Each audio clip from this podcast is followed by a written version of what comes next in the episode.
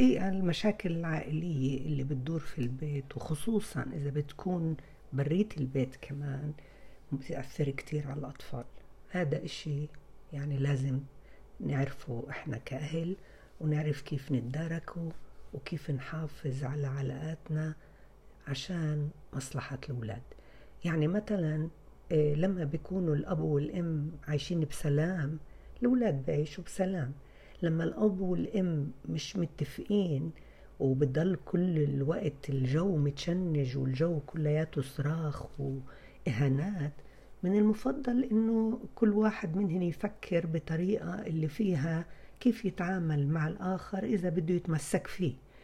فإذا بدهم بدكم تتمسكوا بالعلاقة الزوجية بدكم تعرفوا إنه في بال بالعلاقة شراكة والشراكة هي مش مين اللي بده يغلب الشراكة هي مش مين أحسن الشراكة هي مش مين اللي بيجيب للتاني أكتر الشراكة هي ود احتواء حتى إنه يصير في سلام والسلام هذا بده حكمة وبده عقل كبير وبده كتير من التواصل. المشكلة عندي هون مش بس بين ال ال الأم هنا بتقول أنا عندي ولدين وبنت عم بعيشوا بجو عائلي مفكك. بيني وبين أبوهن مشاكل وأنا مع عيلتي علاقتي بأخوتي وبأبوي مشاكل وهذا كلياته بشوفوه بسمعوه طب كيف يعني؟ كيف يعني أنت قاعدة بتحكي هذا وعارفة إنه عمالك بتجيبي لهن أمراض مش بالضرورة أمراض اللي بنعرفها أمراض في التطور الشخصية. يعني مش راح يكونوا هدول الولدين والبنت شخصيتهم أسوية وسعيدين لأنك أنت عارفة إنه في كل يوم بالجو سم. إسا أكيد أكيد بدك تقولي لي هو أنا بس أنا كل واحد منا يطلع على حاله. لأنه أنا عم بلاحظ إنه في كتار كتار من اللي بيسمعوني عم بقدروا اللي بنقوله واللي بنحكيه مع بعض. وفي كتار اللي بطلبوا إنه مش بس أنا في غيري. كل واحد إذا بده يقول مش بس أنا العترة بدها تصير والصعوبة بدها تصير التسمم بده يصير بالأولاد. شو هدفنا إحنا بالحياة؟ كل واحد منا يسأل حاله. أنا عايشة في بيت هذا البيت فيه أفراد اللي هن أنا جبتهن للحياة. السكتار اللي بدهم يسمعوني يقولوا لي مش بس أنا. أنت جبتيهن أنا مسؤولة عن حالي. أنا مش مسؤولة عن غيري. أنا مسؤولة عن حالي. أنا بدي أقرر. وكتير مرات لما تجربوا اللي بقولكوا إياه صدقوني صدقوني إنكم رح ترتاحوا. لما أنا بقرر ألاقي طرق للتنفيس عن غضبي وعن انفعالي وعن صعوبة اللي بمر فيه. ألاقي طرق وكتير في طرق كتير. إسا بنرجع لهن للطرق. عشان أنا عندي هدف أسمى واحد ووحيد هو أنا هدول اللي الله أعطاني إياهن أكرمني فيهن وهبني إياهن. هدول فلذات كبد. ولادي هدول أنا مسؤولة أمامه بكيف أعمل جو كيف أخلق جو. كيف أعيش أنا وياهن بجو؟ الآن. إذا الآخر ما بعرف أنا الآخر ما حكى بس بدي أنا أجي معاكي وأقول لك إنه الآخر سيء كلهن سيئين وإنت بس المنيحة. يعني جوزك سيء أخوك سيء أختك سيئة أبوك سيء وإنت بس المنيحة. طب بما إنك إنت بس المنيحة حبيبة قلبي يا روحي قرري.